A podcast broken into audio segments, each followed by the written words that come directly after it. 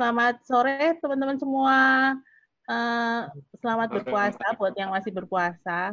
Uh, jadi kita sore ini sambil ngabuburit ngobrol sama dua uh, narasumber kita, Mas Glenn Mars Salim dan yeah. aku jadi suka manggilnya tuh Glenn Mars gitu karena nama lebih sering baca nama Glenn. Padahal nama panjangnya Glenn Mars Salim sama Mas Jacob atau biasa kita panggil uh, sekarang nama kerennya MJ. Halo. Mike sama kayak M. Michael Jackson ya Mas. Salah ya. Uh, uh, uh, sore ini kita akan bahas tentang initiating space uh, with local brand. Udah kelihatan banget kan initiating space-nya related to uh, apa apa pun yang dikerjain sama Mas Jacob. Kemudian uh, local brand-nya tentu saja uh, apa yang dikerjakan oleh Mas Salim dengan uh, M MGKYM. Gitu ya Mas nyebutnya ya? Iya. Iya. Ya. MGKYM yang dulu dulu banget itu tahun berapa ya Mas pertama kali ada tote bag gitu? Uh, enam tahun yang lalu. Waktu itu Mbak Luki yang ngasih ke aku gitu. Nih ada tuh sekarang udah produknya udah udah sangat beragam, udah macam-macam banget, udah nggak asing banget lah dia di, sering kita lihat di mana-mana juga. Uh, sore ini kita akan di host oleh uh, Artria Pratomo. Yo, selamat sore yo, sehat. Alhamdulillah sehat. Sore MJ, sore Mas Glenn. Sore semua. Jadi uh, untuk biar uh, cepat, aku serahkan ke Piok ya. Monggo silakan dimulai aja. Oke, okay, thank you Mbak. Uh, sebelum kita mulai, uh, kita tunggu dikit lagi biar ada 50 peserta ya, biar genap, biar enak gitu mulainya.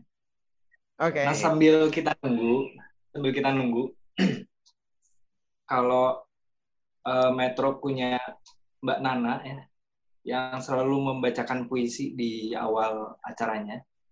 Saya juga nggak mau kalah gitu. Jadi pengen coba-coba dikit ya. Hmm. Oke. Okay. Um, place making. Ada esensi yang berbeda antara space dan place. Tempat dan ruang terdengar menyempitkan dan wujud fisiknya seolah membangun batas. Padahal ada tuntutan ekspresi citra yang butuh fasilitas.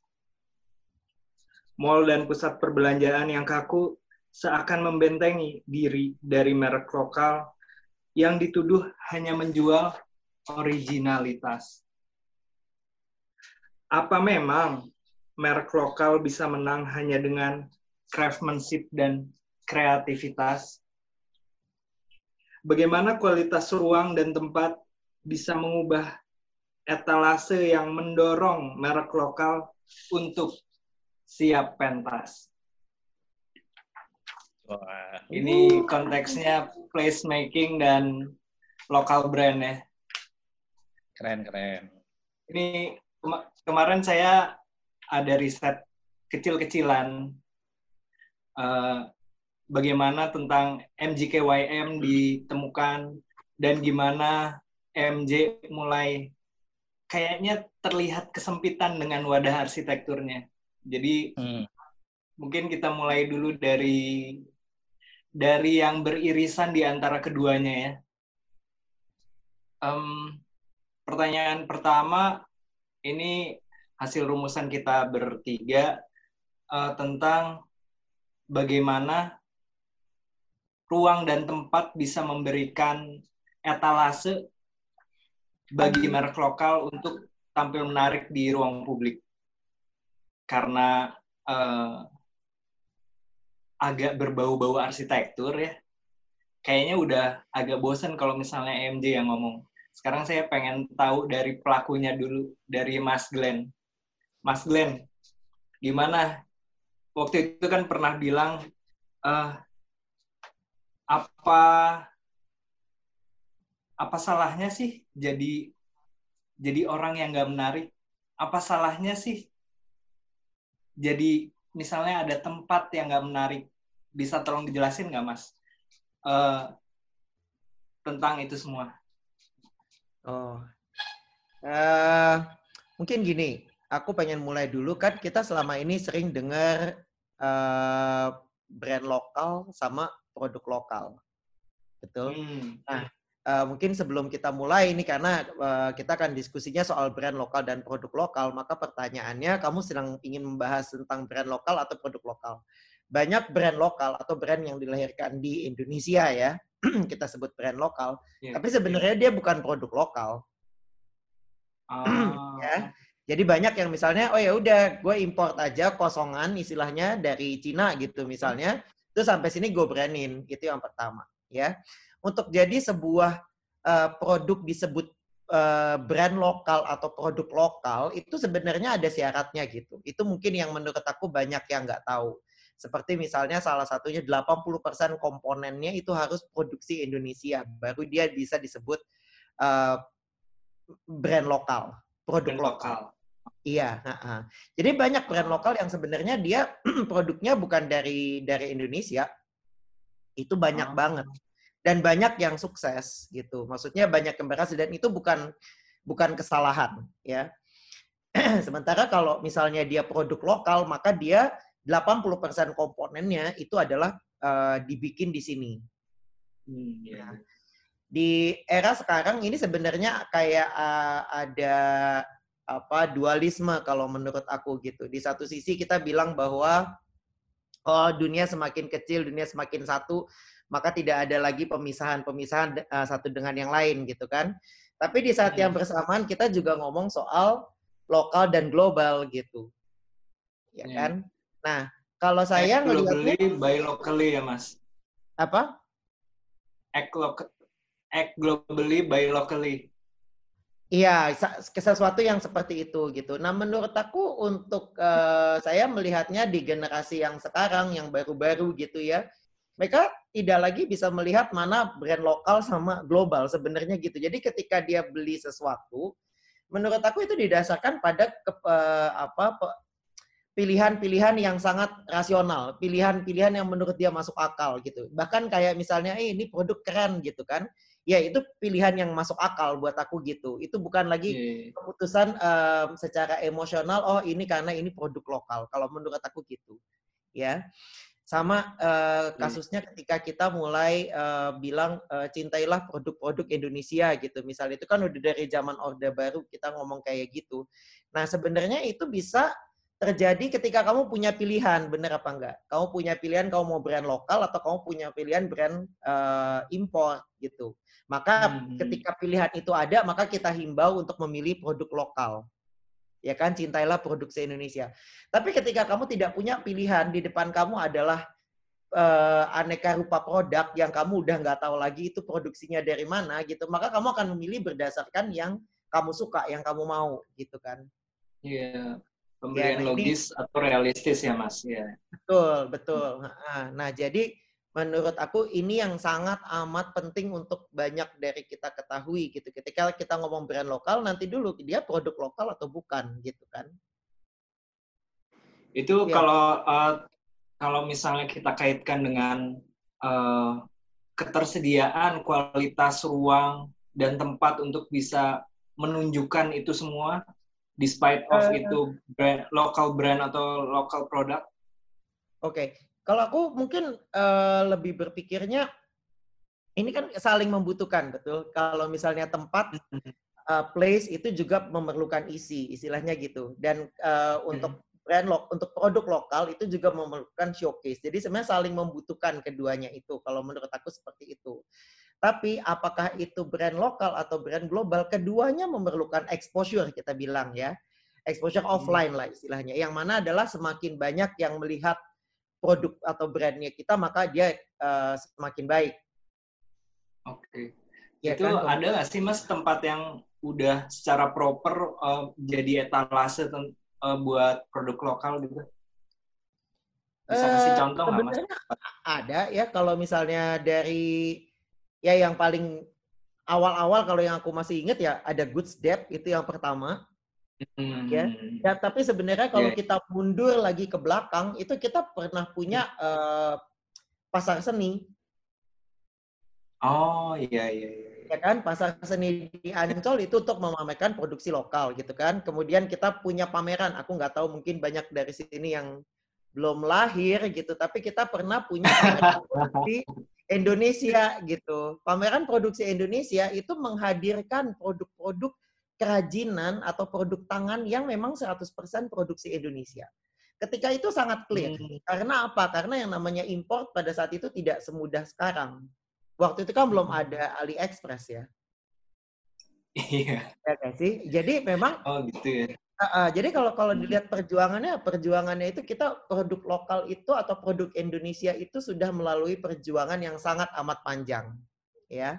Hmm. Jadi dan secara kualitas juga kalau kita lihat berevolusi gitu. Dia tidak tidak bikin yang sama-sama lagi. Jadi memang produk barangnya kita eh, produk lokal itu produk Indonesia juga berkembang gitu kan sehingga dia membutuhkan memang tempat atau etalase yang lebih baik, lebih proper.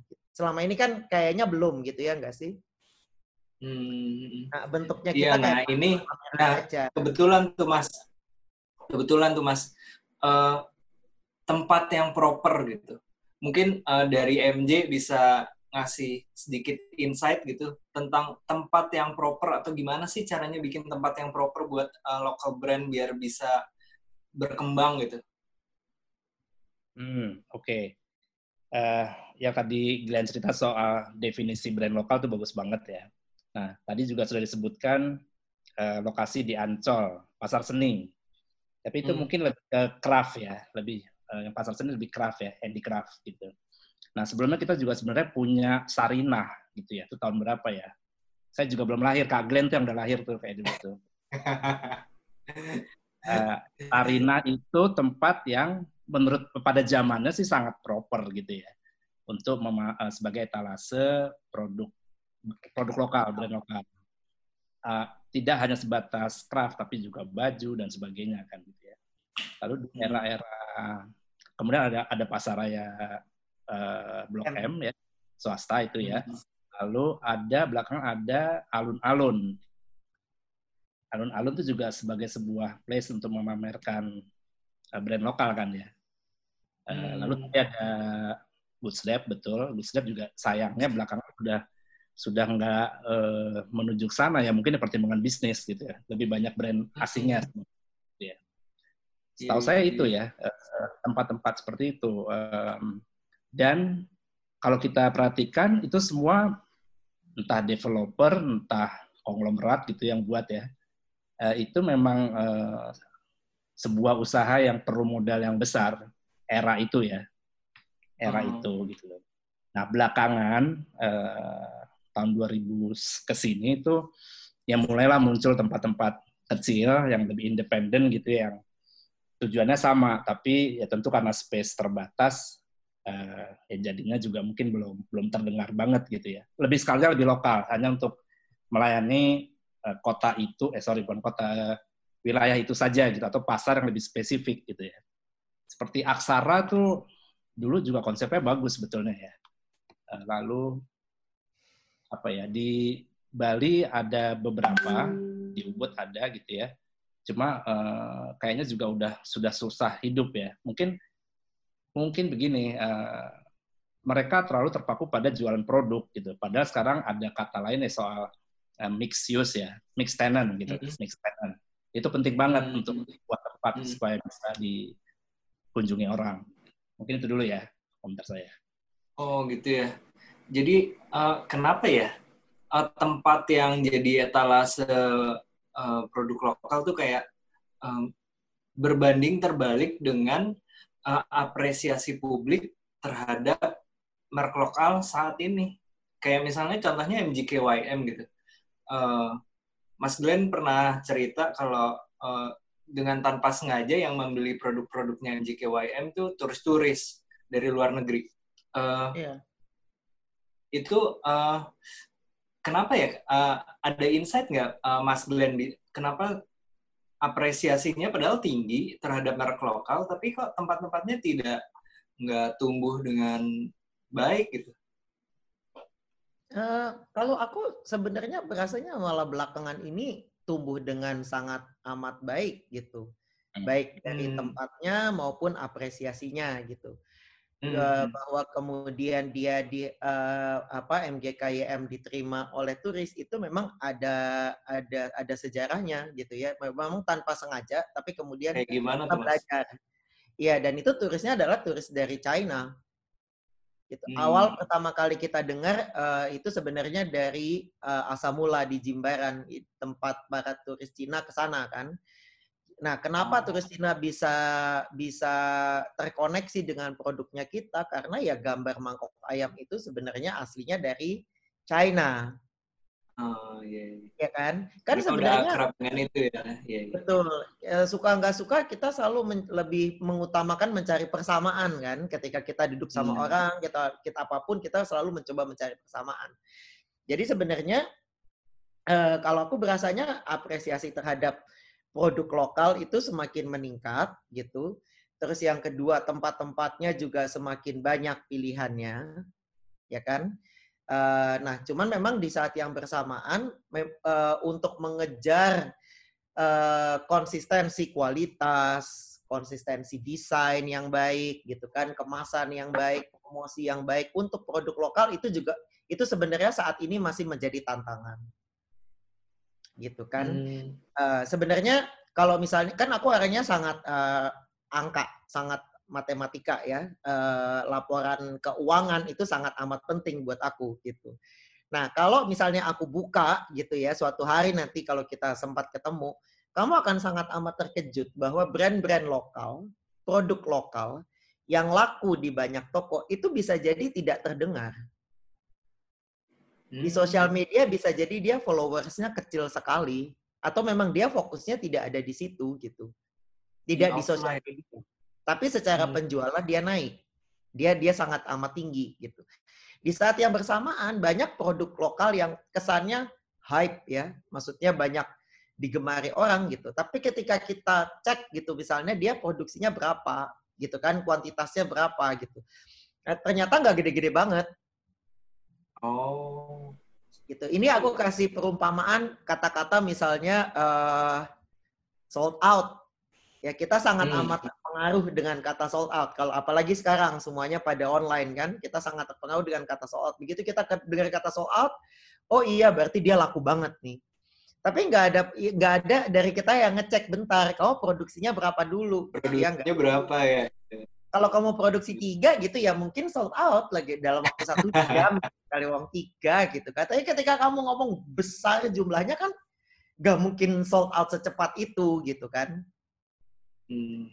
Nah, iya, make sense sih, Nah, uh, jadi kalau menurut aku memang uh, kedua-duanya sedang, me, maksudnya baik dari pihak place-nya maupun dari pihak brand lokalnya, ini sama-sama sekarang sedang menghadapi tantangan, ya enggak sih? Untuk place, dia untuk mencari brand lokal yang bisa secara konsisten. Misalnya, kan kalau misalnya kita ngeliat brand luar, brand fashion luar, setahun empat kali, bener nggak? Hmm, empat hmm. empat desain empat kali desain minimum dua gitu begitu dia putus hmm. setahun dua lah gitu kan karena lebih lama bikinnya ada berapa banyak brandnya kita yang bisa memenuhi itu gitu misalnya kan eh, apa namanya toko itu memerlukan excitement ya enggak makanya hmm. beberapa toko yang sudah berjalan atau place yang sudah berjalan menjual produk lokal dia akan secara konsisten bertanya kepada pemilik brand mana desain baru kamu, mana koleksi lebarannya kamu, mana koleksi akhir tahunnya kamu gitu. Karena hmm. itu juga yang bikin orang datang lagi datang lagi kan. Kamu pasti males yeah. kalau datang ke satu tempat yang produknya sama terus dan gak ganti-ganti gitu. Iya sih. Iya, ya kan? bener banget nah, Mas. Iya, jadi memang itu tantangan keduanya tuh adanya di situ. Oh, jadi kalau misalnya uh, uh, udah ada belum sih mas? Uh, ruang atau tempat space atau place yang jadi simbiosis mutualisme dengan lokal brandnya gitu. Jadi sama-sama menguntungkan gitu. Maju bareng. kayaknya ya. Kalau uh, kalau yang pertamanya kita kan kita ada di pasar-pasaran di Umah Seminyak itu pertama hmm. kali lah kita uh, apa namanya toko yang menjual produk lokal gitu. Dan emang dari hari pertama buka MGKYM udah ikutan di situ gitu. Jadi kita kayak berkembang bersama gitu kan. Mm-hmm. Um, itu itu itu ada bedanya nggak sih mas? Tempat yang uh, simbiosis mutualisme dan tempat yang ah tempat sembarangan aja deh tempat biasa yang penting gue bisa ikut jualan gitu. Itu ada perbedaan perbedaannya gimana? Sangat. Gimana tuh eh, secara sistem aja misalnya gitu kan. Uh, aku sempat cerita kita baru uh, terakhir ini kita nitip sebuah ke sebuah toko lah gitu ya dia juga kayak curated space lah gitu Cuman beda hmm. konsepnya dia adanya di mall. Dia tidak ada di kalau kalau kayak M Block gitu kan tempat terpisah. Kalau dia memang dia konsepnya dia adanya di mall. Dia memiliki sistem yang sangat amat baik ya. Kayak misalnya kamu loading gitu kan barangnya berapa, terus udah laku berapa, laporan tiap minggunya itu jelas sekali. Terus kamu tahu kalau misalnya minggu lalu kamu dapatnya berapa, minggu depan kamu dapatnya eh minggu ini kamu dapatnya berapa, sehingga kamu tahu perkembangan atau penurunannya. Kita hmm. juga dapat laporan berapa uh, dari orang yang beli itu laki-laki atau perempuan, umurnya kurang oh. lebih berapa. Itu kan data-data yang sangat amat penting buat kita.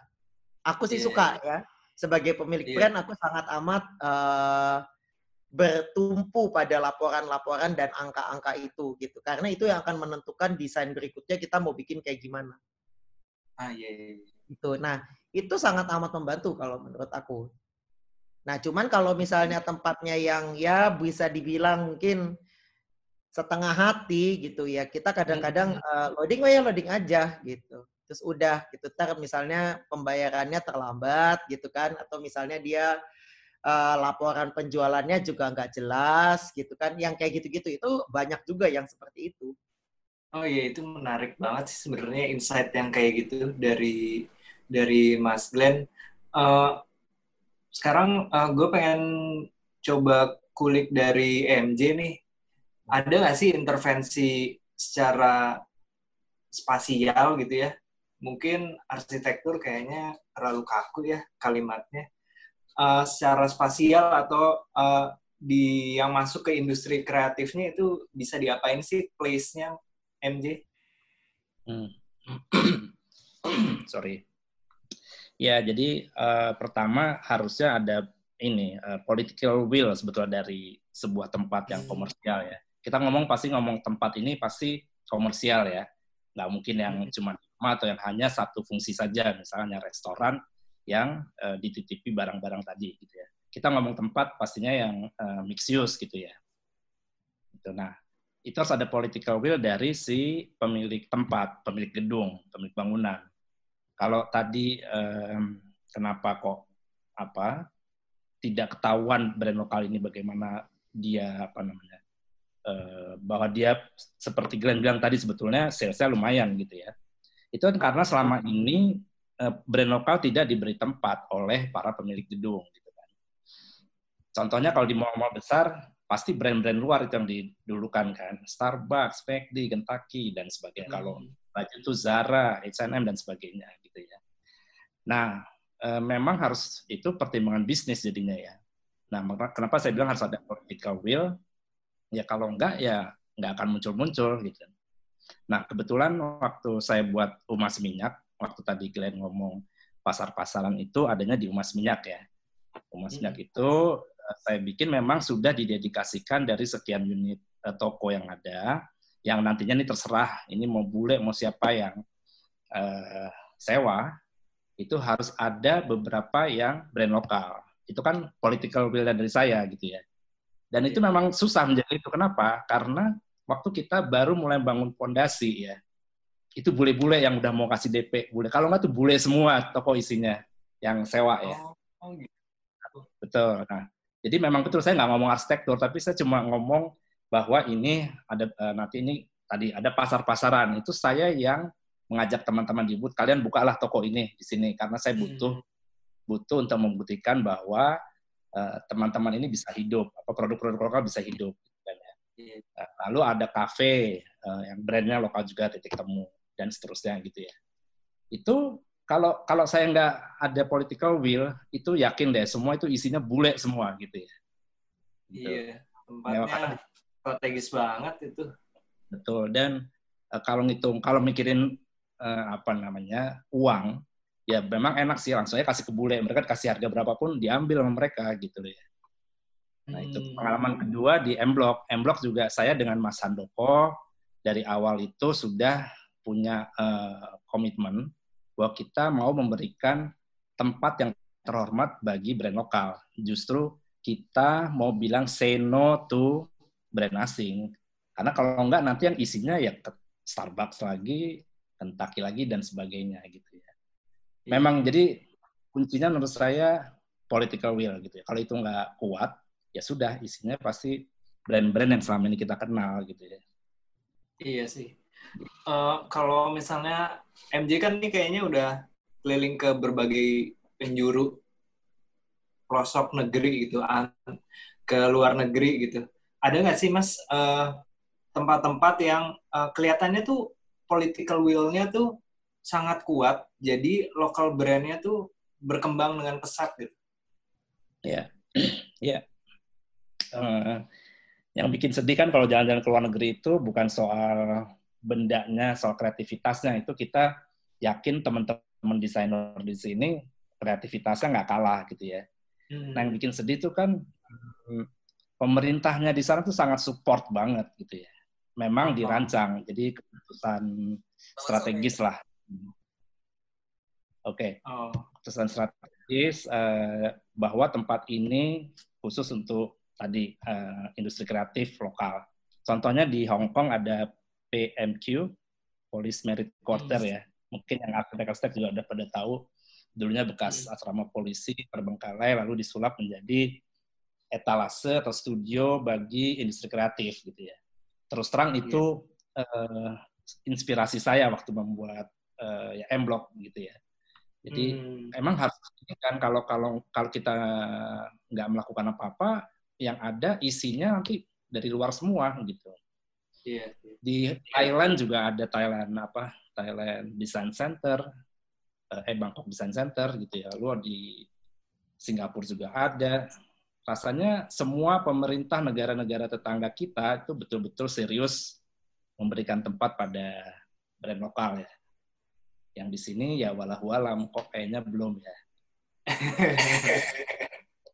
Gitu. Oke. Eh, kalau dari Mas Glenn, eh, ada pengalaman nggak Mas Glenn tentang tempat-tempat yang sangat didukung oleh ya political will itu? Bisa mungkin dari pemerintah, tapi bisa juga mungkin dari eh, angel investornya gitu. Di ada pernah ini nggak ketemu nggak Mas tempat-tempat yang kayak gitu? eh mungkin belum sebanyak itu kali pengalaman saya ya untuk ketemu ketemu dengan tempat-tempat itu karena apa namanya perkembangan MGKYM pun sebenarnya sampai sekarang itu kita masih mencoba untuk eh, menemukan ya bahwa kan itu kan kalau misalnya tempat itu offline ya kan Hmm. Nah, buat buat kita itu kita ya kita anggaplah kalau tempat itu adalah perdagangan offline sementara kita juga punya Iya, iya. perdagangan online gitu kan Iya. Nah, iya.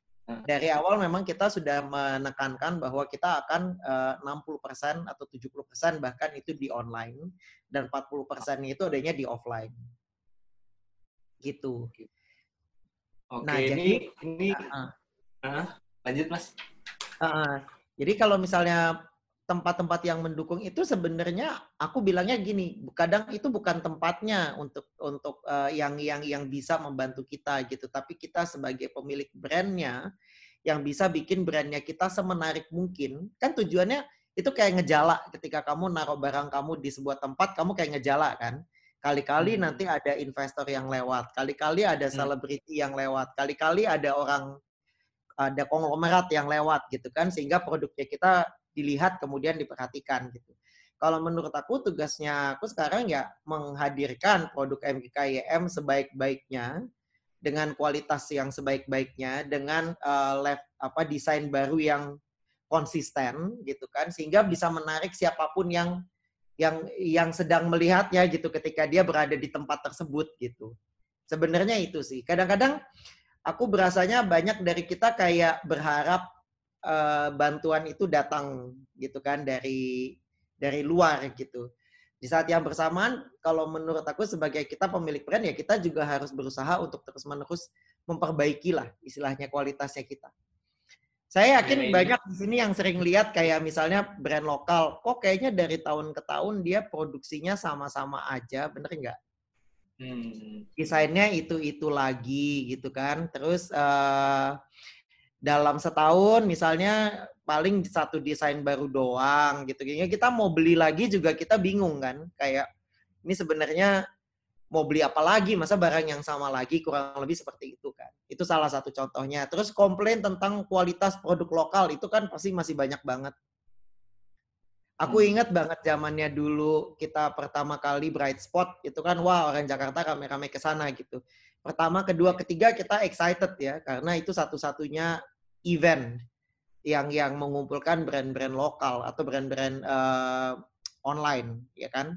Yang seru-seru semua ada di situ. Tapi terus pelan-pelan kita mulai kapok kenapa? Soalnya kayaknya kualitasnya kok nggak match harganya gitu kan Oh. baru dipakai. Iya. Aku pernah bikin apa belilah gitu misalnya barang gitu kan. Wah kayaknya lucu nih. Wah hasil kreativitas dengan pemikiran yang sangat amat matang gitu kan. Baru dipakai sekali jebol gitu. Wah kesel banget karena harganya mahal.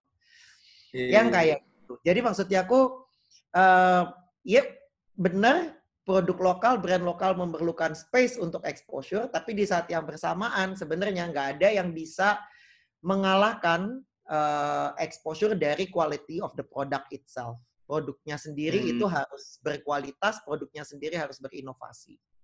Sebenarnya itu. Nah, ini agak kayaknya perlu di perlu ditimpalin sama uh, placemaker nih, sama arsitek nih, MJ nih. Tapi uh, kalau ngedengar uh, nadanya Mas Glenn nih, uh, kok kayaknya modest banget gitu ya. Uh, padahal uh, jadi jadi pengen tahu gitu. Kenapa sih uh, uh, ngomongin MJKYM ya?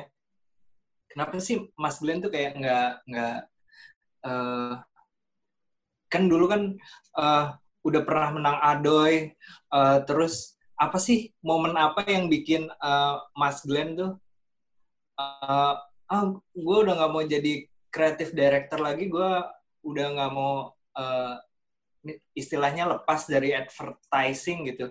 Gue pengen jadi freelancing aja, gue pengen ngembangin brand gue sendiri. Momen apa sih yang bikin Mas Glenn tuh berani melakukan lompatan itu?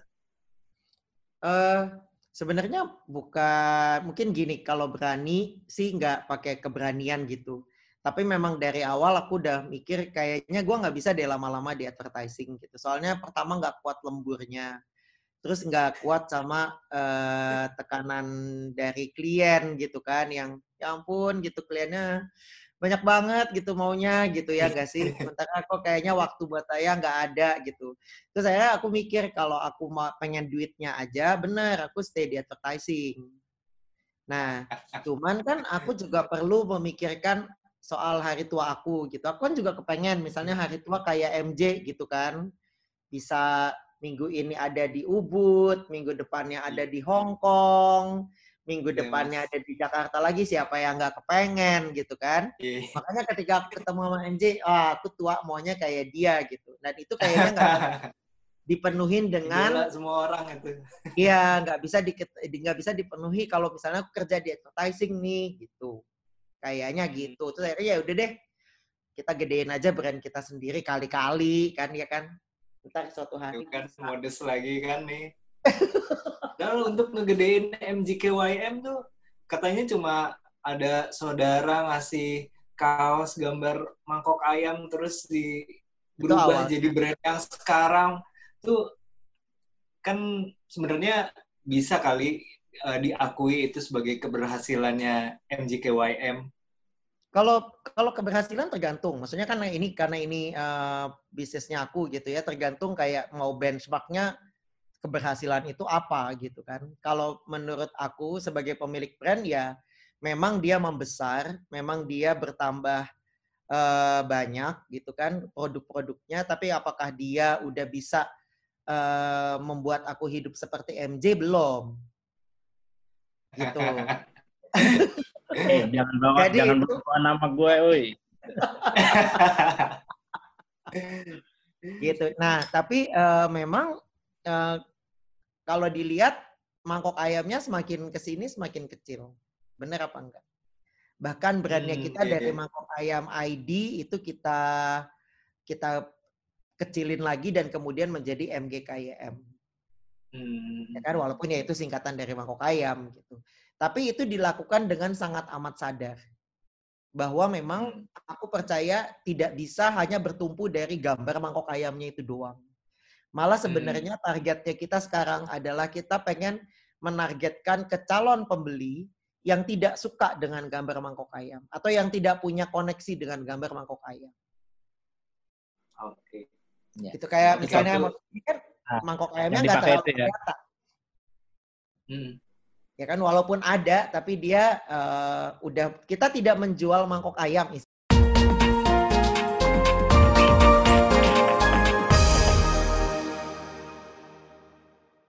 Oke, okay, uh, balik lagi sama kita uh, Design Stories di Sunday Sharing bareng uh, Mas Glenn sama MJ. Uh, barusan kita lagi cerita tentang um, ketegangan antara uh, lokal brand dan placemaker. Ma gimana sih uh, mutualisme yang bisa diwujudkan? Tadi Mas Glenn udah sampai udah sampai menceritakan insight-insightnya.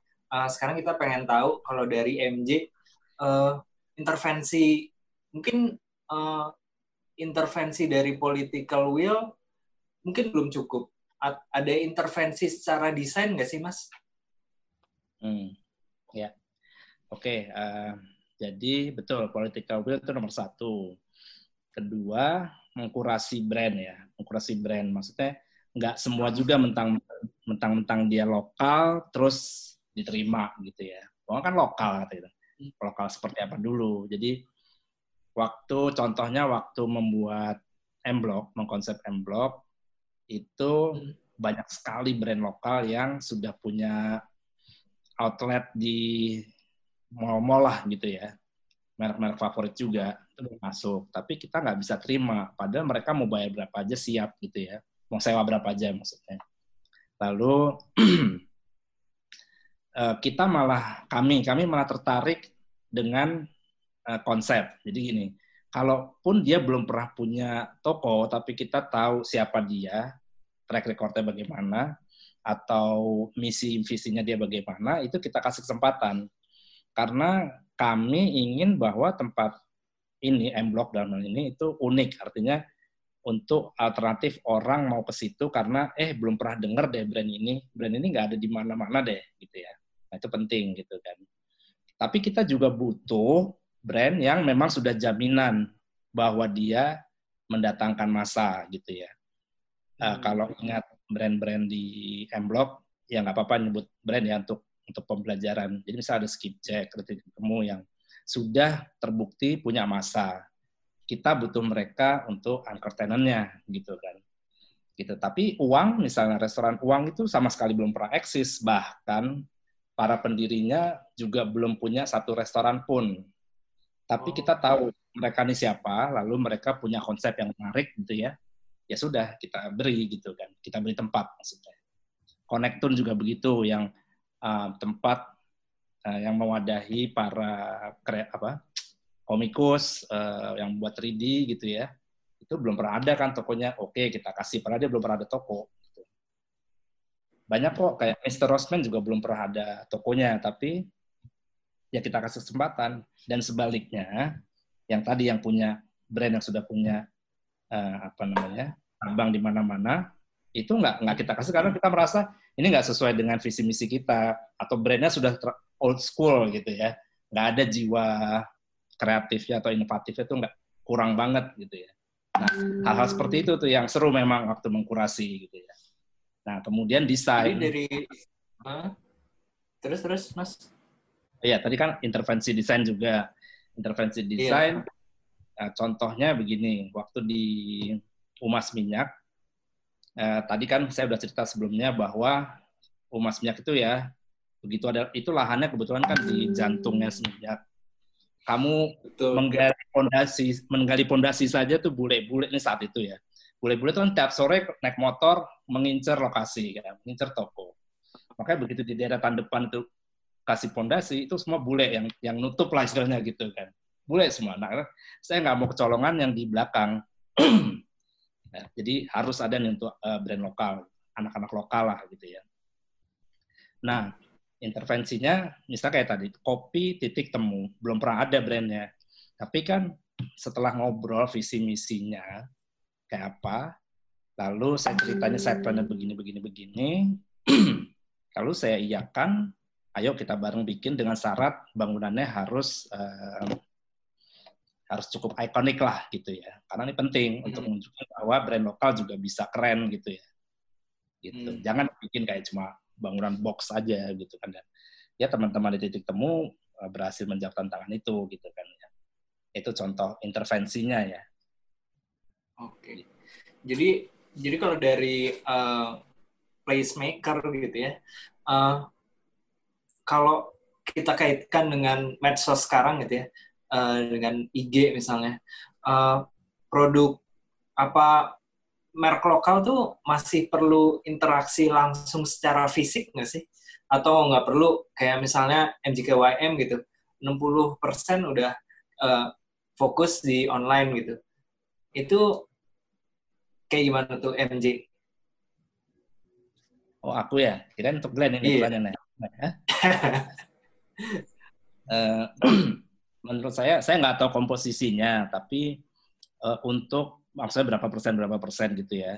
Tapi untuk hmm. tentu itu memang penting sekali membranding uh, dirinya melalui uh, medsos gitu kan. Hmm. Kita tahu banyak contoh-contohnya kan. Tapi jangan lupa juga yang offline-nya harus sesuai dengan apa yang dipromis di uh, medsosnya gitu kan ya. Produknya hmm. sendiri harus uh, di-deliver dengan tepat, servisnya dengan baik gitu ya. Nah, uh, jadi apa tadi apa perbandingan berapa persentasenya? Uh, atau ini deh MJ uh, dari brand-brand yang sudah dikurasi di M Block kita ambil contoh uh -huh. itu uh, gimana ada pertumbuhannya kayak gimana sih setelah ditaruh di M, M Block gitu? Ya, saya ambil contoh satu uh, Mbok Doro. Mbok Doro itu dulu entah berapa tahun yang lalu yang pernah ada kayak kayak pop up gitu ya warung lah gitu yang sederhana tapi karena lokasinya ada pelebaran jalan atau gimana terus hilang gitu ya waktu ini dia mau masuk, kita juga ragu-ragu kan. Oke, dulu kalian pernah bikin tapi seperti itu. Sekarang mau bagaimana gitu kan? Apa yang baru gitu kan dari konsep kalian gitu kan. Dan singkat kata, eh, mereka melakukan PR dengan baik, eh, medsosnya baik gitu ya. Terus kalau ukurannya sukses apa? Mereka tuh langsung bisa bikin cabang baru di Sabang di gedung PGN. Jadi dalam bulan kelima sorry bulan keempat mereka udah udah berencana lalu bulan keenam tuh buka tuh yang di Sabang gitu ya. dan itu rame gitu ya? itu kan itu ngomong gitu ya? ya itu ngomong investasi kan besar gitu ya terus hmm. uh, kalau mereka yakin begitu karena mereka merasa di M Block mendapatkan respons yang positif dari pengunjung gitu ya nah hmm. uh, itu yang sudah nyata sudah terbukti bahwa uh, itu sukses kan bagaimanapun hmm Pak cabang itu di sana berani karena sudah yang cabang pertamanya terbukti. Luar biasa. Uh, cabang eh toko-toko yang lain juga ada satu dua yang akan seperti si uh, Mbok Doro gitu kan. Yang tadinya cabang pertama, outlet pertama di M Block, tapi akan segera uh, buka di tempat lain gitu ya. Buka di tempat lain ya. Oke. Okay. Uh, ini kayaknya pertanyaan terakhir dari saya.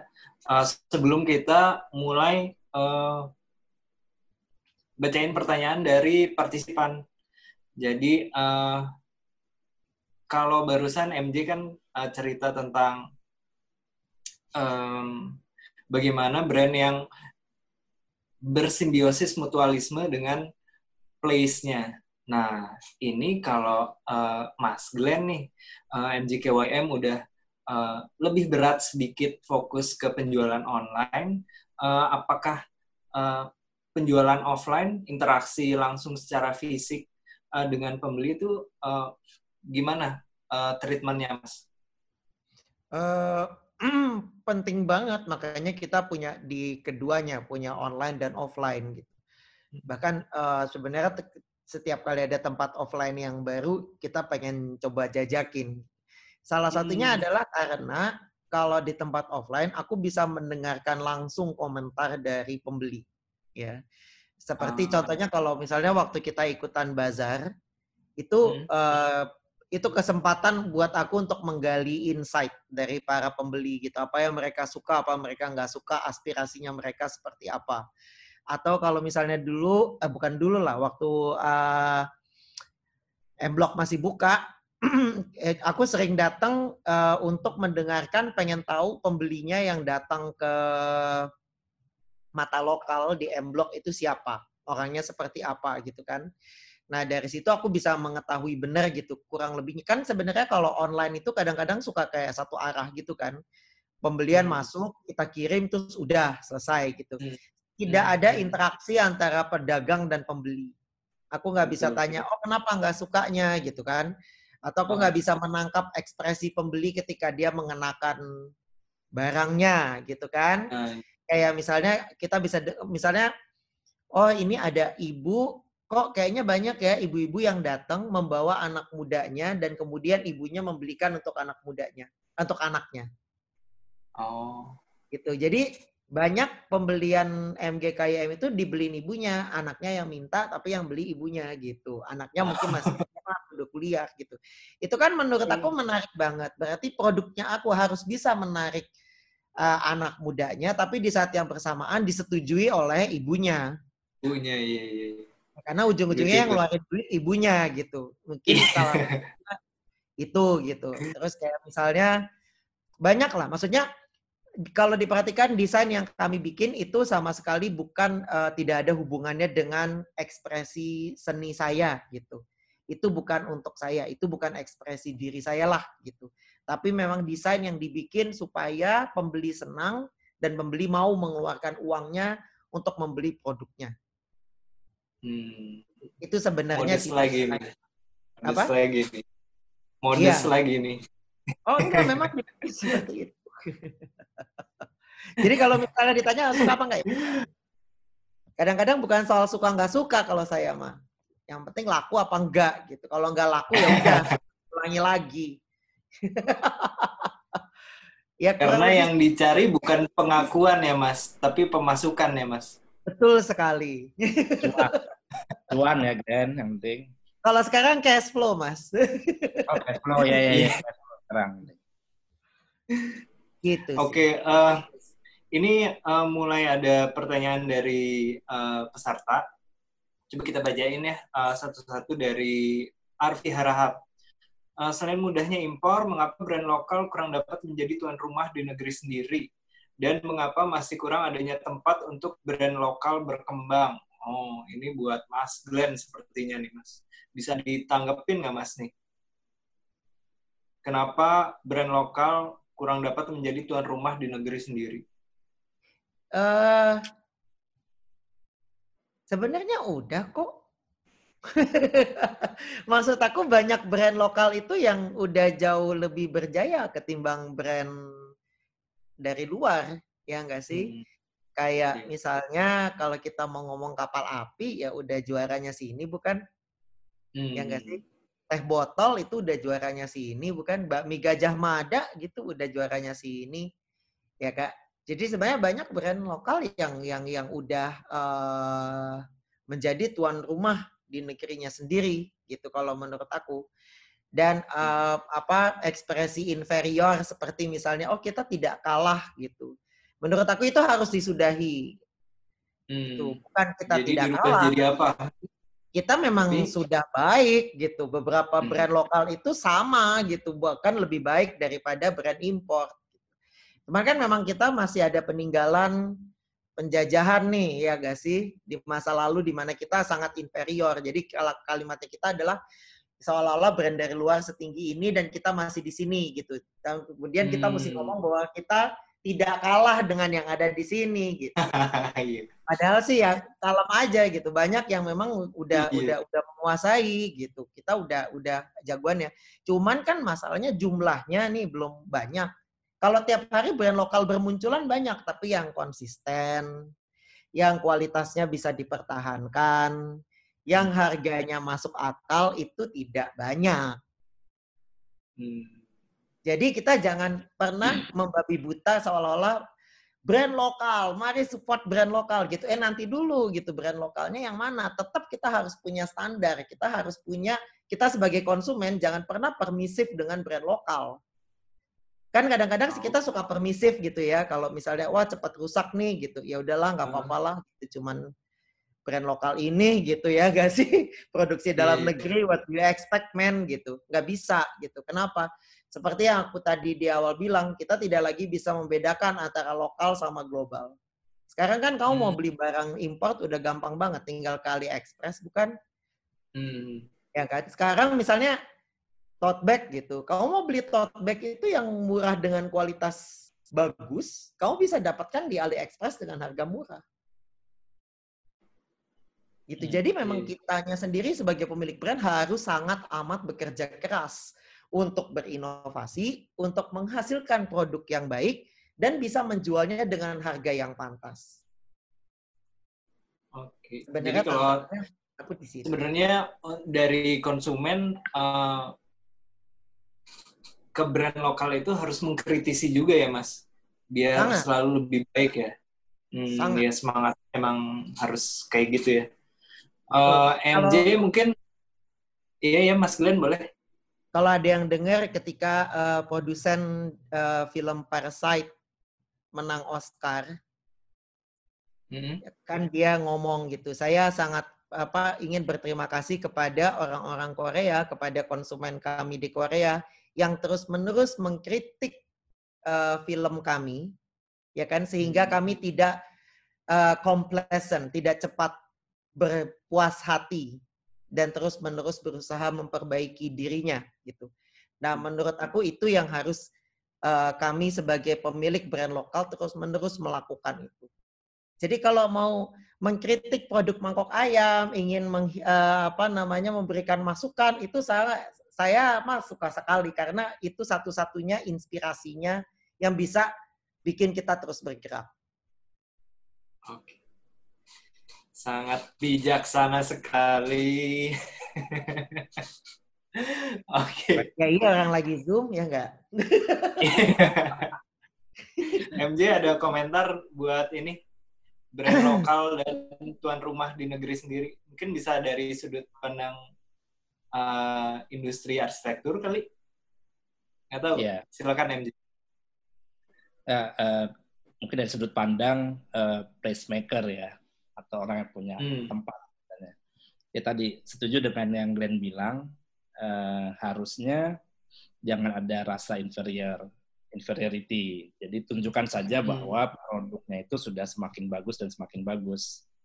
Eh, saya rasa nih era yang tepat ya dengan adanya contoh-contoh misalnya sepatu kompas. Sepatu kompas itu kan sangat fenomenal ya. Eh, Hmm. Itu membuat semua orang melek bahwa gila nih brand lokal, produk lokal eh, yang bisa apa ya semua lapisan tuh kayak seneng banget gitu ya, bisa kagum lah gitu. Harganya tadi seperti Glenn bilang pantas gitu kan. Nah ada Lulu Latvibi selain selain mangkok ayam ya, ada Lulu Latvibi, ada eh, apa sejauh mata memandang kalau fashion. Nah itu banyak brand-brand yang sudah kuat banget eh, image-nya, positif maksudnya ya.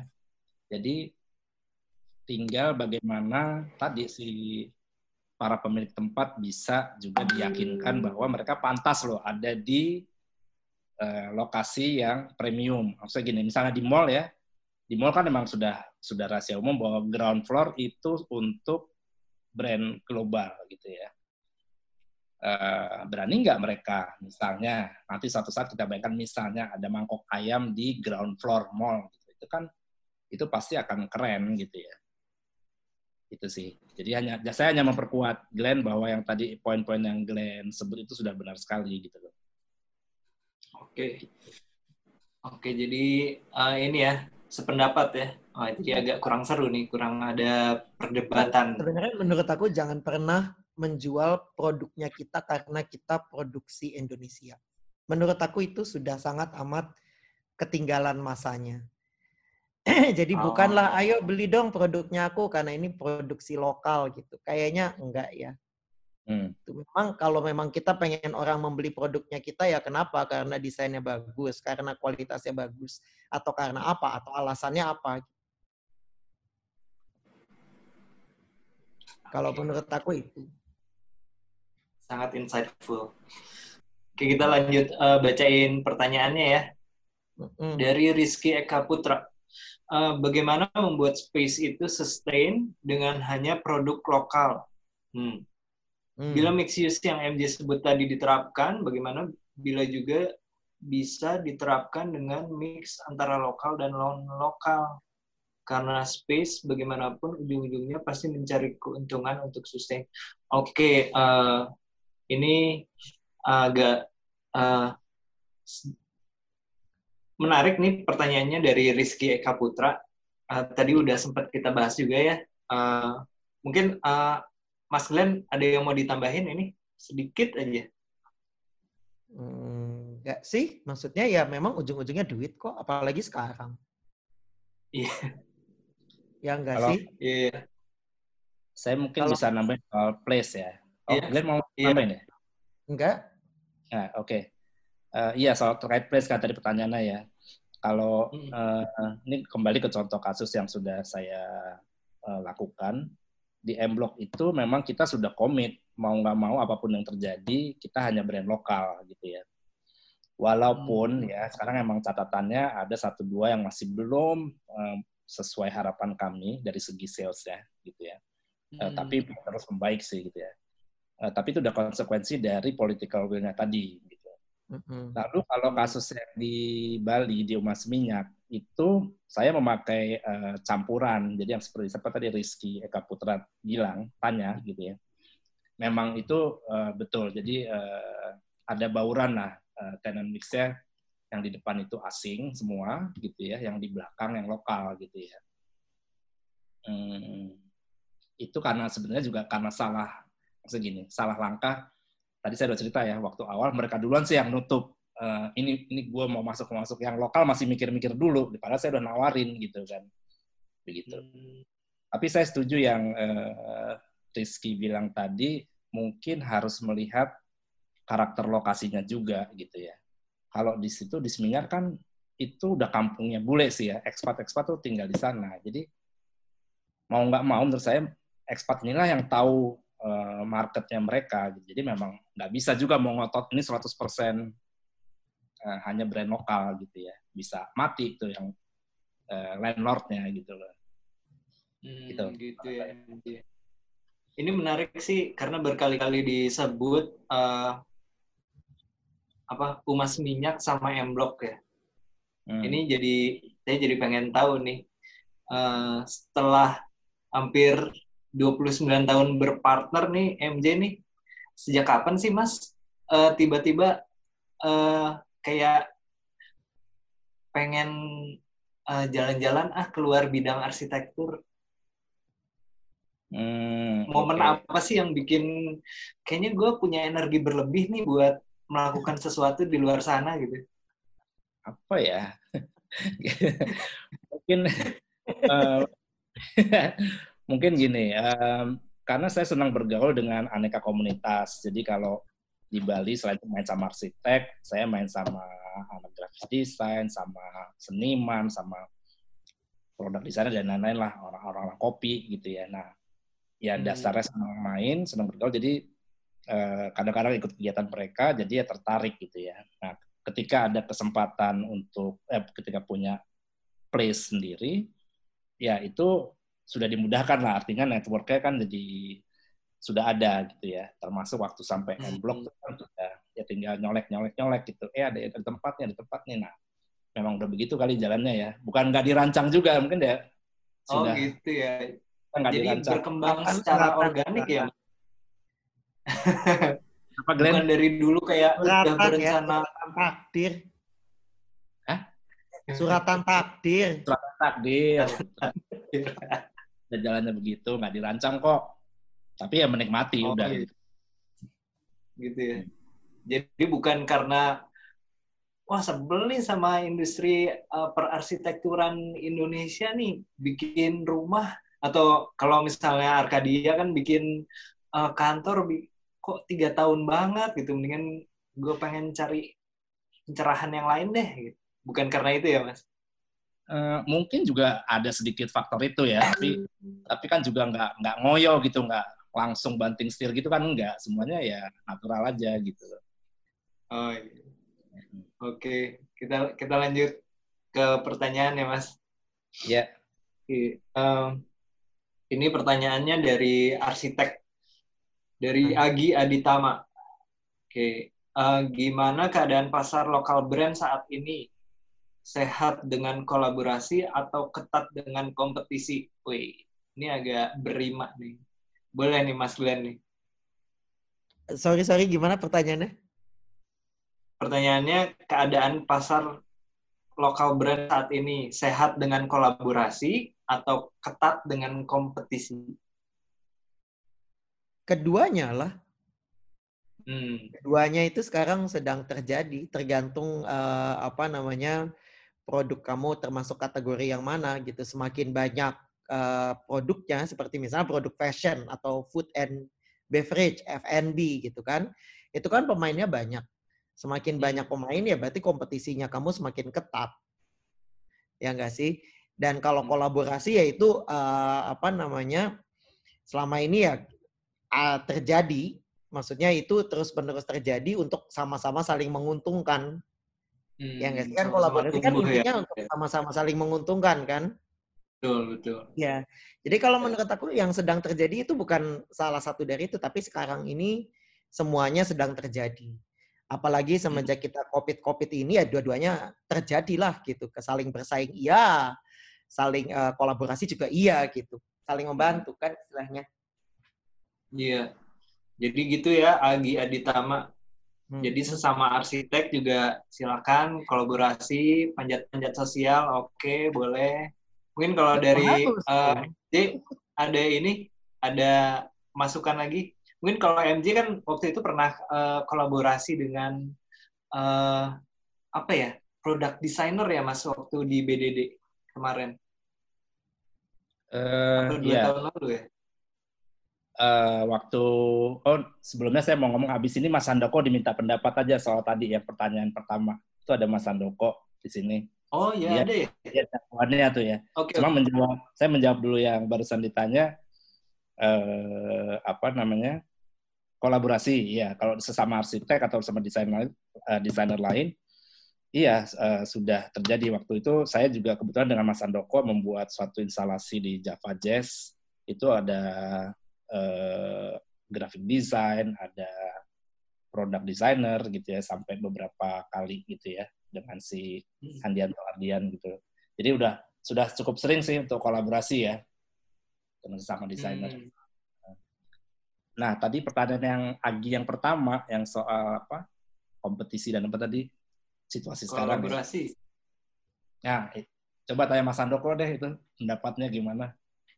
Coba Mas Handoko mungkin boleh eh, di unmute kalau bersedia. Nah. Ya, halo Mas Handoko. Eh? Oke. Halo Mas. Eh, masih di mute. Boleh? Nah, udah. Oke. Sorry, sorry. Tadinya saya mau, mau menikmati obrolannya aja sebenarnya. Seru soalnya. Eh, apa ya? Eh, Tadi tadi pertanyaannya gini Mas, gimana keadaan pasar lokal brand saat ini? Sehat dengan kolaborasi atau ketat dengan kompetisi? Insight-nya boleh Mas. eh, mungkin saya eh, bercerita aja. Tadi pagi saya kontak eh, Leo Purba.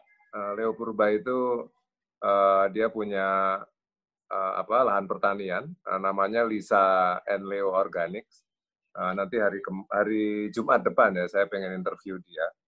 Uh, itu sebenarnya pengen saya pengen menggambarkan betapa uh, produk lokal ini sebenarnya memang uh, kalau istilah saya harus di nurture ya. Saya setuju sama Glenn tadi pendapatnya bahwa sebenarnya produk lokal itu lebih ke kita yang yang bikin daripada kita apa menyarankan untuk publik yuk beli produk lokal gitu. kesannya kayak jualan produk lokal untuk pembenaran kita jualan gitu kalau menurut saya memang nurturing menjadi kuncinya gitu nah tadi waktu ngobrol sama Leo eh, menarik sekali cukup panjang gitu dia lagi ngambil uh, kelas kopi uh, yang nggak semua orang bisa dapat di Indonesia karena yang mempelajari kopi Indonesia dengan getol, dengan skor yang sangat tinggi, itu orang-orang luar negeri.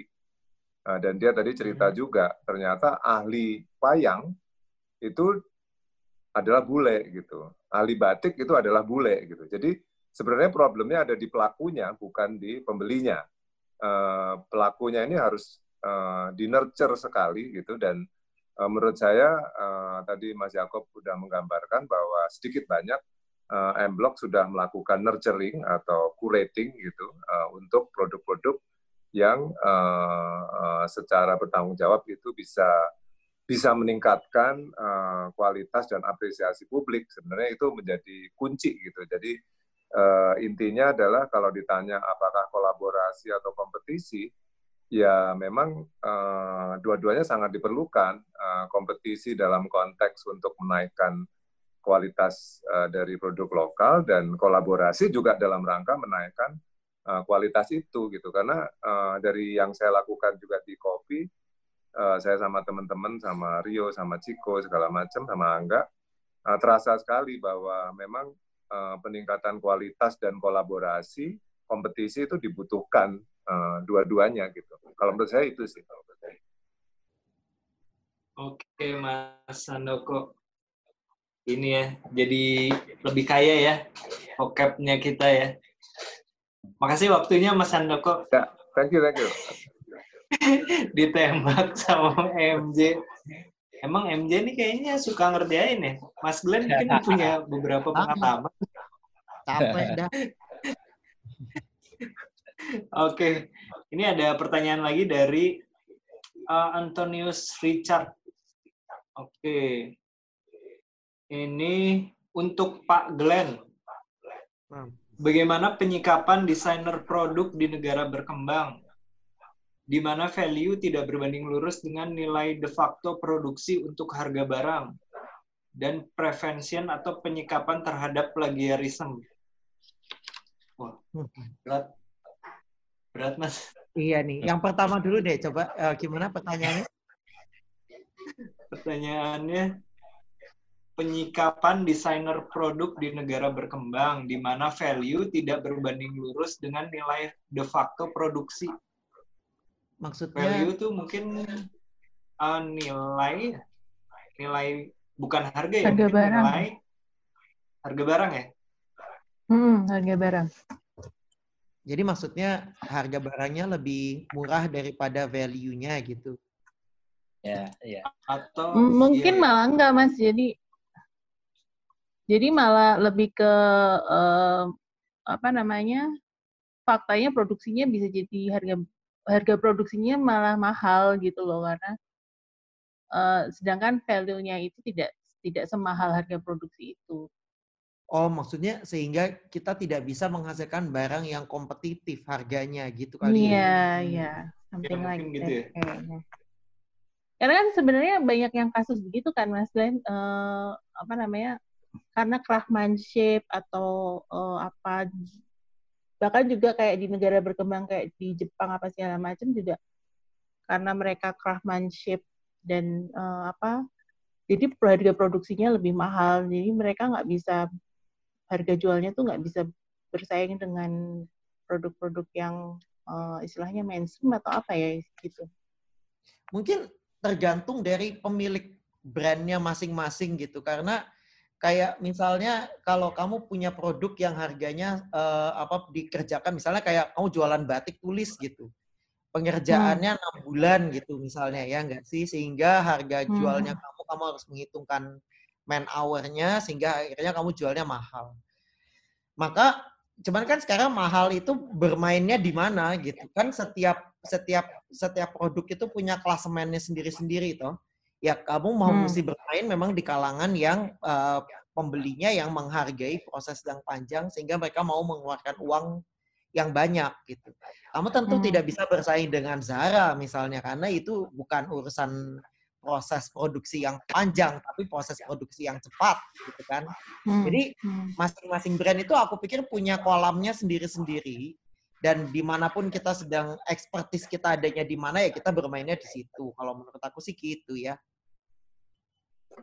Karena memang selamanya itu akan menjadi tantangan. Maksud aku bahkan bukan di negara berkembang, bahkan di negara maju sekalipun tantangan bagaimana kita bisa menjual dengan harga yang pantas atau kita bisa mendapatkan eh, profit yang yang yang cukup untuk kita bisa memutar eh, brandnya kita supaya brand kita tetap hidup itu tantangan tantangan bisnis pada umumnya di berbagai negara kalau menurut aku gitu.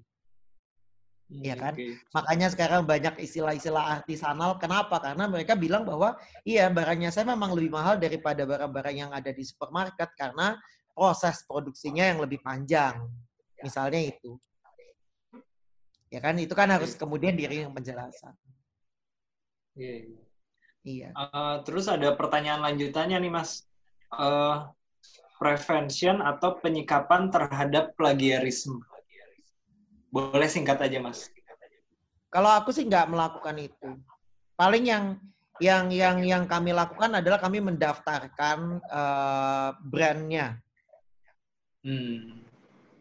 gitu. Kenapa? Karena aku sudah menerima kenyataan bahwa di era internet seperti ini plagiarisme itu pasti akan terjadi dengan cepatnya gitu. Kalau misalnya Hmm. kayak misalnya eh, desain gitu kita baru launching sekarang gitu dalam dua atau tiga minggu kemudian udah ada di Tamrin City gitu ya itu udah mau gimana apakah kita mau minta perlindungan gitu minta perlindungannya ke siapa gitu kan itu yang pertama terus yang kedua kalau saya mengejar itu atau kemudian apa melakukan perlindungan mengusahakan segalanya untuk perlindungan lama-lama aku nggak bisa ngapa-ngapain mas Hmm.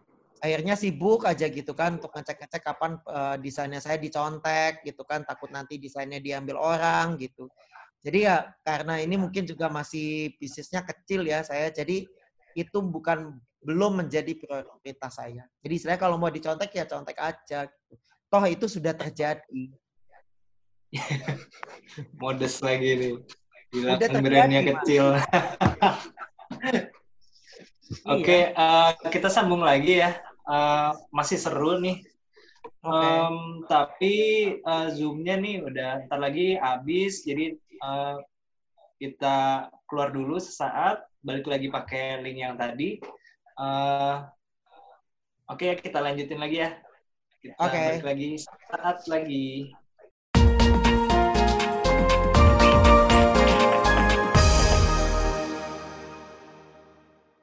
Halo, balik lagi sama Design Stories Sunday Sharing episode 5. Kali ini kita masih sama Mas Glenn, Marsalim, sama MJ. Eh, kita masih ngomongin tentang initiating space with local brand. Oke. Eh, barusan kita masih eh, di tengah diskusi tentang em, sekelumit antara brand dan place. Eh, sekarang eh, dari obrolan barusan, eh, MJ bisa bisa ceritain nggak sih eh, bedanya antara eh, ketika memulai Uma Seminyak dan M Block, gimana eh, karakter lingkungan tuh bisa eh, bisa dimanfaatkan untuk kepentingan menarik orang datang dan berinteraksi gitu. Ada bedanya nggak sih, Mas? Eh, gimana waktu membuat oh waktu membuat dan waktu sekarang ya oke ya Eh, sekarang M Block. Iya. Jadi kalau Uma Seminyak eh, lokasinya di Seminyak. Kebetulan Seminyak itu kan juga sudah menjadi kampungnya ekspat di Bali ya. Ini ekspat ini kan bukan Hmm. sekedar turis ya. Bukan sekedar turis yang cuma berapa hari seminggu dua minggu cabut tapi mereka berbisnis di Bali. Mereka hidup di Bali gitu kan. Berbisnis di daerah situ. Itu karakternya Seminyak. Nah, eh, tapi memang yang uh, trafficnya yang ada memang turis, banyak turis entah itu lokal, entah itu luar gitu, internasional. Uh, jadi waktu membuat umas minyak itu, saya memperhatikan itu uh, antara kepengen buat sesuatu yang ya sudahlah kayak yang lain-lainnya aja, tapi juga ada ini ada sedikit uh, apa ya keinginan membuat sebuah hmm. tempat menjadi kayak semacam oase di Seminyak karena kan Seminyak sangat sangat mm, komersial, sangat hedon, itu segala macam klub kan ada di sana tuh. Iya. Yeah. Uh, Vela apa segala macam dan sejenisnya ya uh, ada di sana. Uh, beach club beach club yang keren-keren juga di sana. Jadi uh, semuanya yang serba hedon, uh, serba fun gitu ya nggak salah juga, tapi akibatnya apa? Semuanya jadi mahal banget kan ya.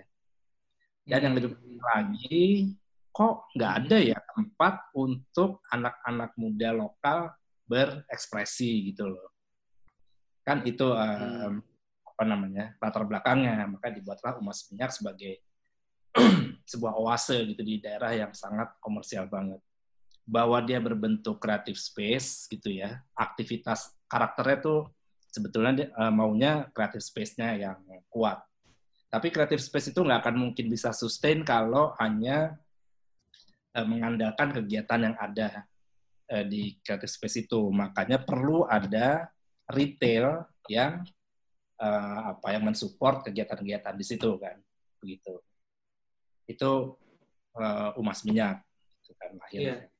Nah, M, M Block itu uh, lokasinya jelas ya kita tahu Blok M ya itu uh, untuk lokal banget untuk anak Jakarta itu udah satu paling nggak tahun 80-an udah terkenal dari arah tempat gaulnya gitu ya melawai segala gitu ya.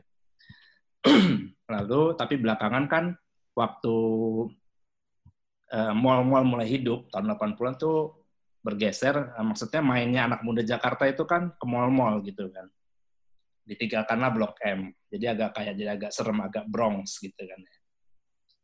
Uh, lingkungannya M Block sendiri, walaupun lokasi strategis, tapi dia berada di area perkantoran gitu kan.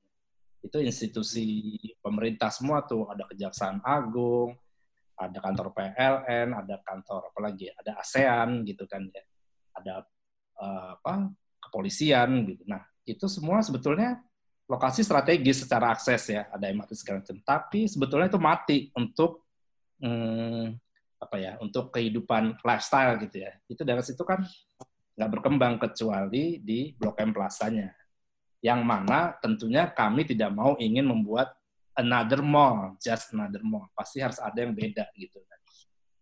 Hmm. Gitu. Nah, hmm, ya situasi seperti itu. Jadi eh, berangkatnya udah beda, dan uh, di M Block juga ada misi untuk eh sebagai arsitek ya untuk mm-hmm. menyelamatkan uh, arsitektur kebayoran itu dengan rumah rumah jengki yang tipe sederhana itu itu harus mm-hmm. diselamatkan karena dalam master plan-nya Peruri sendiri itu milik Peruri ya itu mm-hmm.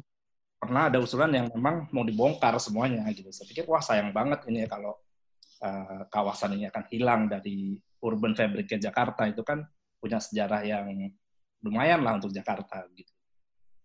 Gitu. Hmm. Jadi itu bedanya waktu membuat Umas Minyak dan Hemblok gitu ya. Kalau ininya ada bedanya nggak mas? Cara menarik orang untuk datang ke tempatnya sendiri? Ya, uh, di Umas Minyak uh, itu uh, pertama dua-duanya sih diuntungkan oleh lokasi, dua-duanya ya, hmm. ada di strategis, Umas Minyak maupun Hemblok uh, dan uh, ya tinggal uh, sosial media ya mainnya waktu itu ya rumah seminyak awalnya gitu. Uh, dan ada satu ya kita ngomong di titik temu lah titik temu cukup menjadi magnet untuk orang mengenal di rumah seminyak ada apa saja gitu. Itu brand hmm. yang kuat lah gitu ya. Lalu di M Block uh, ya tadi pilihan dari kurasi tenennya itu cukup ketat sangat ketat bahkan Uh, bahkan saya sama Mas Andoko waktu itu waktu juga sempat agak gimana agak nggak enak karena ini dia masukin ini teman saya oh dia teman sih teman tapi kan nah gitu ya gimana brandnya gitu kan itu masing-masing begitu nah uh, cara menariknya ya ya tadi dari dari ini dari sorry dari kegiatan dari aktivitas. Nah, kalau placemaking itu kan ada empat komponen ya. Kalau misalnya ada soal linkage-nya, aksesnya, terus sociability-nya, ada hmm, image, lalu ada activities. Nah, activities ini yang kita kejar gitu ya. Untungnya teman-teman founders ini ya kayak Mas Andoko, Bung Glenn, hmm, Bung Wendy Putranto, itu orang musik ya, Bung Lance, itu orang film, itu udah punya komunitas-komunitas. Jadi aktivitasnya itu yang dihajar, dikejar gitu ya. Makanya gak heran waktu itu hampir tiap hari di M Block tuh ada aja acara gitu ya. Bahkan kalau weekend tuh bisa, misalnya Sabtu ya, bisa ada tiga atau empat acara tuh berbarengan terus jam 5 sampai jam 6 di sini, sampai 7 sini, 7 depan dan itu terus saja gitu ya.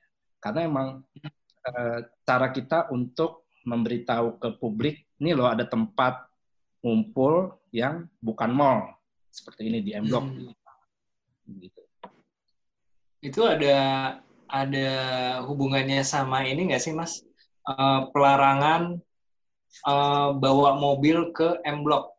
Oh iya, itu bukan uh, ya itu salah satu movement yang kita buat. Jadi M Block itu hmm. sebetulnya ya kalau mencari soul itu movement bahwa dia ada di hmm. Melawai, dia ngejar milenial, selalu uh, musik sebagai crowd pullernya ya itu betul itu satu konsep lagi nah, yang nah yang movement gerakan yang mau kita uh, apa ya kita sampaikan ke masyarakat tuh tadi kita berusaha memberi kontribusi ke kota Jakarta yang sudah sangat polutif ini uh, supaya tidak menambah bebannya walaupun mungkin sedikit ya kontribusinya. Tapi kami meniadakan parkir gitu kan. Uh, lalu uh, tidak makanya ada parkir orangnya terpaksa jalan kaki gitu ya. Karena karena juga kebetulan ada MRT uh, Transjakarta hmm. semua ya Nah, tapi itu nggak mudah ya membuat pesan gitu, karena minggu-minggu awal buka tuh kita selalu diomelin oleh generasinya Glenn tuh, generasi Glenn Marsalim yang pada bawa mobil tuh marah-marah semua gitu loh. Kenapa nggak ada parkir? Ya kita akhirnya ada parking gitu ya. Ada valet parking di sana untuk orang yang ngomel-ngomel atau segitu marahnya ya sampai ini tempat aneh banget. Eh, oh ngomel sampai terus valenya mahal. Oh gue nggak mau balik lagi ke sini gitu ya. Ya, ya sudah artinya memang tempat ini bukan untuk mereka gitu kan, bukan hmm, untuk iya, iya ya kita melayani yang yang memang dengan senang hati mau berubah gaya hidupnya dengan berjalan kaki itu. Uh, lalu movement cashless, cashless itu uh, apa namanya? Sesuatu yang kita coba karena ya teknologinya sudah mampu gitu kan. Ini cashless society di situ benar-benar cashless nggak ada yang terima cash gitu ya. Lalu hmm. uh, yang paling penting tadi movement mendukung brand lokal itu udah udah harga mati waktu itu gitu gitu hmm. oke jadi uh, jadi ada hubungannya ya mas antara placemaking dan uh, aktivitas yang dibangun komunitas dari brand-brand yang terkurasi tadi ya itu oh. kalau dari Mas Glenn sendiri uh, pernah menginisiasi aktivitas yang uh, terbangun dari komunitas nggak sih? Ya sebenarnya waktu waktu itu kan uh, Mas Glenn pernah menginisiasi jalan kaki ya Mas. Bisa cerita lebih iya. banyak nggak Mas? Uh, jalan kaki itu udah lama banget ya. Pada saat itu uh, lebih karena aku tuh suka jalan kaki memang. Dan hmm. apa namanya istilahnya pengen cari teman sama-sama orang yang suka jalan kaki. Tapi jalan kaki dalam artian uh, kalau bisa jalan kaki jalan kaki aja nggak usah naik kendaraan. Jalan kaki sebenarnya berdiri ketika uh, Jakarta itu pertama kali banget uh, kita mulai kena macet yang berhari-hari. Ingat nggak? Kayaknya kamu pasti udah lahir sih karena kan karena sempat yang Jakarta macet kayak gila-gilaan lah pokoknya sampai akhirnya udah yuk kita bikin aktivitas jalan kaki tapi bayangkan pada saat itu kita belum ada aplikasi dan lain-lain. Idenya adalah semakin banyak kamu berjalan kaki, semakin banyak benefit yang bisa kamu dapatkan.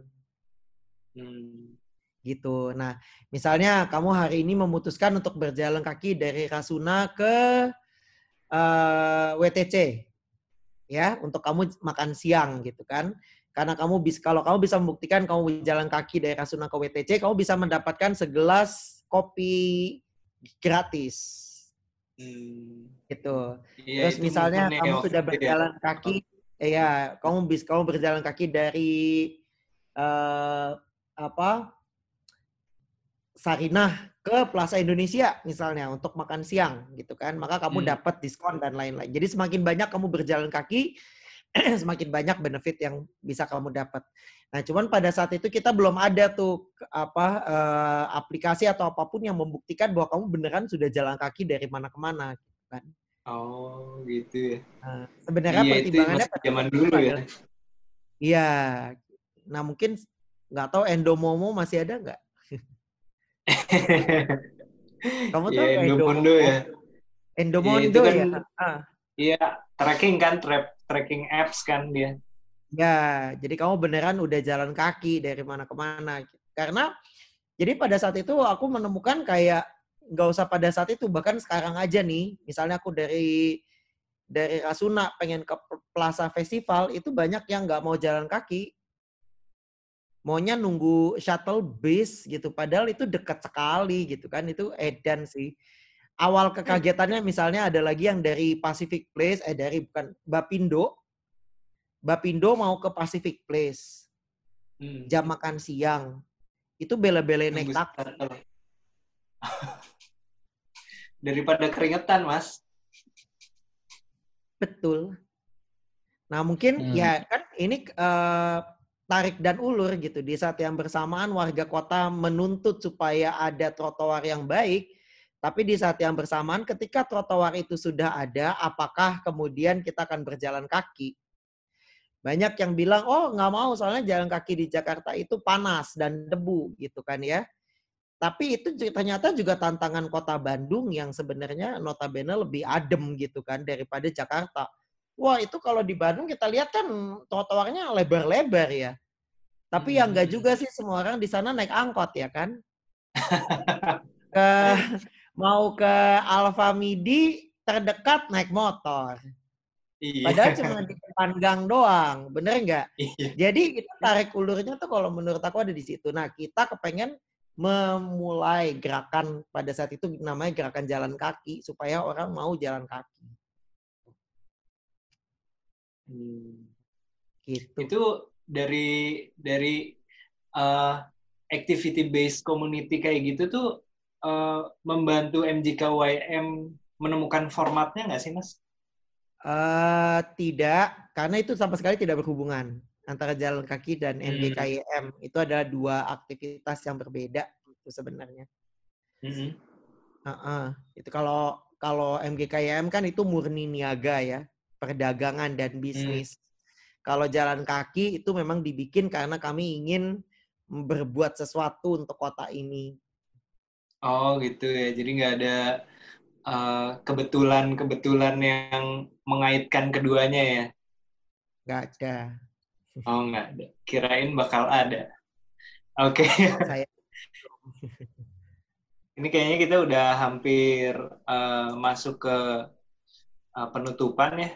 Kalau nggak ada pertanyaan lagi, oke. uh, kalau dari MJ ada uh, pesan-pesan buat uh, teman-teman desainer uh, industri dari industri kreatif dari industri arsitektur untuk uh, tentang initiating space dengan brand lokal. Oke, em, ya karena judulnya itu ya, lalu ini kayak sebagai arsitek gitu.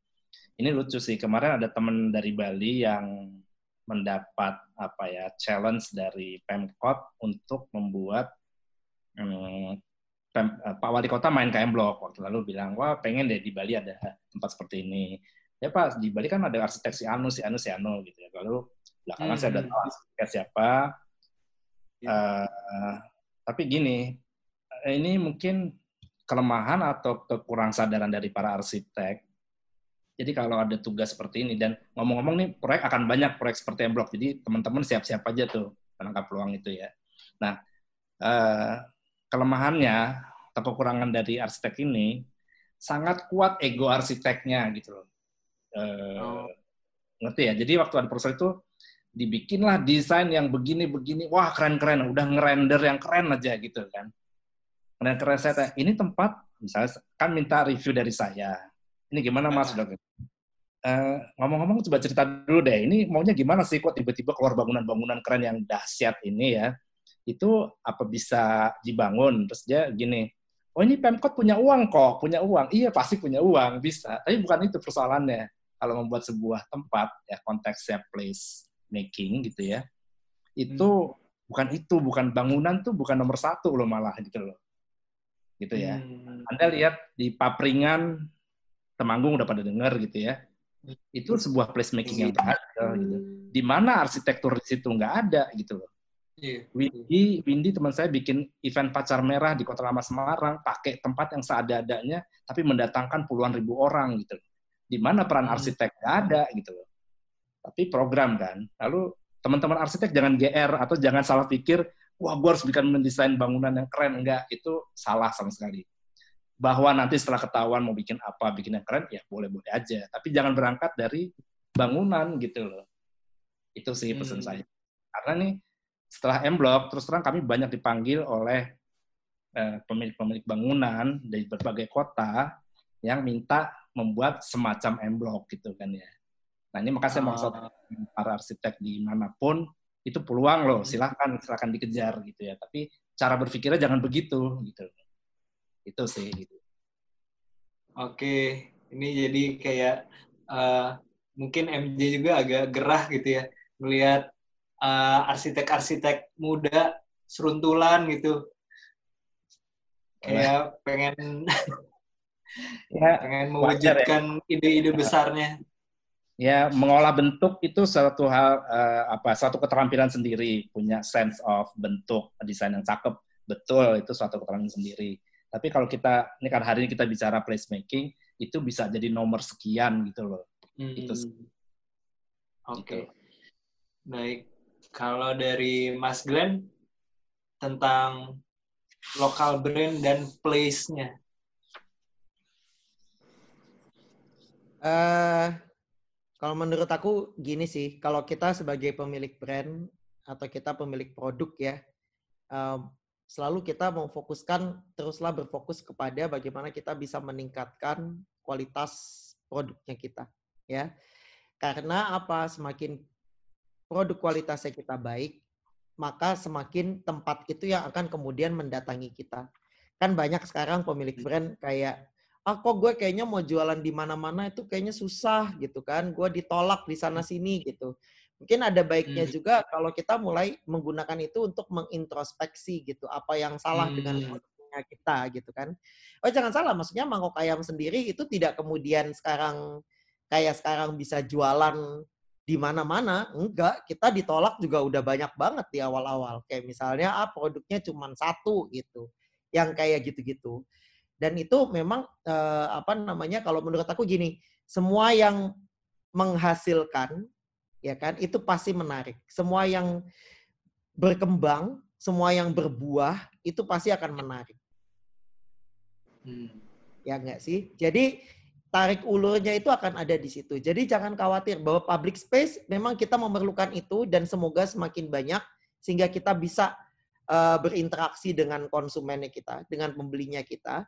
Tapi kalau memang kita belum pernah ada di situ atau kita selama ini belum diterima misalnya di public space gitu. Gunakanlah waktu-waktu sekarang ini dengan corona ini, dengan work from home ini untuk memperbaiki kualitas produknya kita supaya nanti kapan pun itu ketika ini nanti ter, uh, usai dan perniagaan offline itu sudah terjadi, kita benar-benar produk lokal punya produk yang bisa ditawarkan dan sangat amat baik sehingga nggak ada satupun public space yang akan menolak produk kita. Luar biasa. Kayaknya begitu. Luar biasa. Ini kayaknya ya. jadi uh, ya. kalimat penutup hari ini. Oke, okay, uh, eh, makasih Mas Glenn, insight-insightnya, cerita-ceritanya menarik dan kayak uh, membuka wawasan. MJ juga terima kasih pengalaman pengalamannya uh, buat para pesertanya yang uh, tiap sesi kayaknya makin banyak yang kabur. Terima kasih waktu dan kuotanya. Uh, balik lagi sama Design Stories Sunday Sharing uh, part 6 minggu depan. Terima kasih semuanya. Terima Ya, kasih ya. Yo, Mbak Sunti. ya, makasih. Terima kasih semuanya. Terima kasih, Mas.